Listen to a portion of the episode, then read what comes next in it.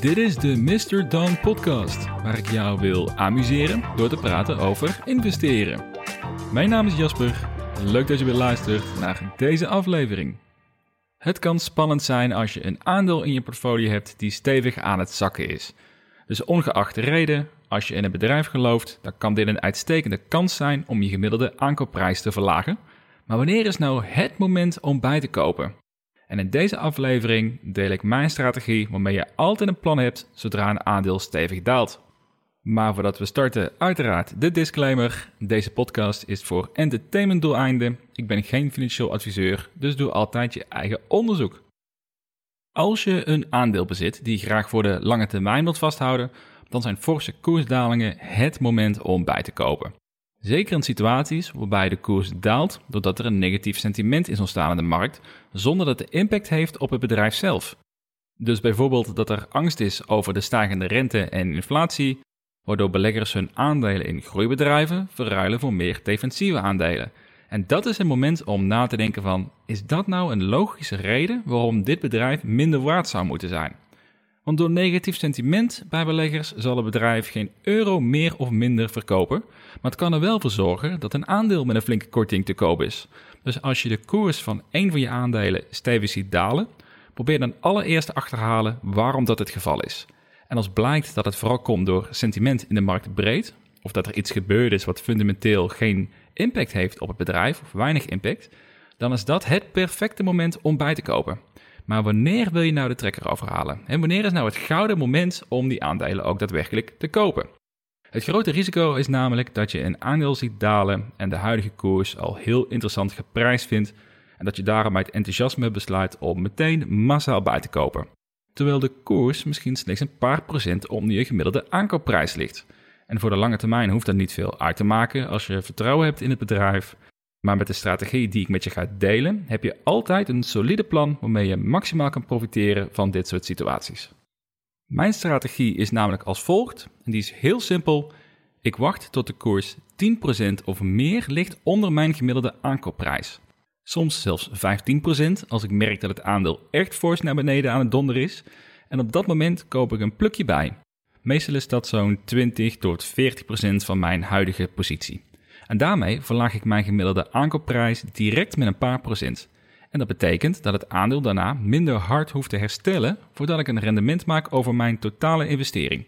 En stel nou dat het aandeel verder blijft dalen, geen probleem, dan wacht ik opnieuw tot de koers 10% onder mijn gemiddelde aankoopprijs zit. En het mooie van deze strategie is dat je, omdat je de gemiddelde aankoopprijs ook steeds verder naar beneden trekt, duurt het steeds iets langer voordat je weer in een nieuw koopmoment komt. En hiermee geef je jezelf automatisch wat extra rust en geduld voordat je besluit om je positie weer verder te vergroten. Want het risico zit erin dat je veel te vroeg met te veel kapitaal gaat bijkopen, terwijl het soms veel verstandiger kan zijn om gewoon even je geduld te bewaren totdat het echt impact maakt op je gemiddelde aankoopprijs. En als je dat continu blijft doen, dan zul je zien dat je je kapitaal gewoon heel effectief gaat besteden, ongeacht of de koers op de korte termijn daalt of niet. Want in dat geval komt het toch alweer een nieuw aankoopmoment. Ook als je een keertje iets te vroeg gekocht hebt wellicht. Maar onderaan de streep is het beter om een uitstekend bedrijf te kopen voor een goede prijs... dan het kopen van een oké bedrijf voor een lage prijs. Dus wees vooral blij in zo'n situatie dat je je positie hebt kunnen uitbouwen met een extra korting. Maar er zijn ook andere strategieën die effectief zijn, zoals bijvoorbeeld aandelen kopen na een correctie als het aandeel daarna drie dagen op rij is gestegen. En daarmee verklein je de kans dat je de aandelen koopt terwijl de daling nog in volle gang is.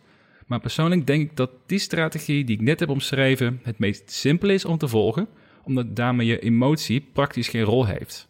Als je namelijk tot drie dagen wacht voordat je gaat kopen, maar in de tussentijd is het aandeel weer 10% hersteld, ja, dan is het heel verleidelijk om jezelf te overtuigen om toch nog even te wachten tot de volgende daling. Ja, en dan is de kans best groot dat je je, ja, je mogelijkheid hebt gemist om aandelen van een mooi bedrijf te kopen voor een zachte prijs. Dus conclusie, het helpt je ontzettend als je een actieplan hebt, wat voor jezelf heel feitelijk is, die jou helpt in je beslissing om te kopen zodra een aandeel fors aan het dalen is. Ik houd zelf dus een verschil aan van 10% onder mijn gemiddelde aankoopprijs, maar hier kun je uiteraard zelf mee spelen.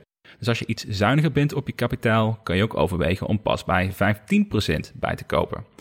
Maar ook als je een hogere cashpositie hebt en een rotsvast vertrouwen in het aandeel, dan zou je er bijvoorbeeld ook al voor kunnen kiezen om onder de 5% om die aankoopprijs al bij te kopen. Dat is een persoonlijke voorkeur, maar het is vooral belangrijk en heel nuttig dat je van tevoren weet welke actie je neemt in zo'n situatie, zodat je niet gaat handelen op basis van emotie. Zowel bij angst dat je niet durft bij te kopen, of uit enthousiasme waardoor je te snel te veel bij gaat kopen. Persoonlijk heb ik beide ervaren, dus ik probeer mezelf sterk vast te houden aan deze strategie. En dat lukt zeker niet altijd. Ook ik koop nog regelmatig veel te snel bij, maar ik word er wel iets beter in, vooral dankzij deze bewustwording.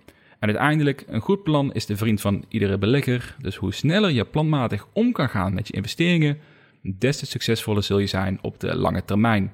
Dus ik hoop vooral dat deze strategie jou ook gaat helpen om een betere belegger te worden. Dit was de Mr. Don podcast. Laat mij weten wat je ervan vond via iTunes, Twitter of Instagram.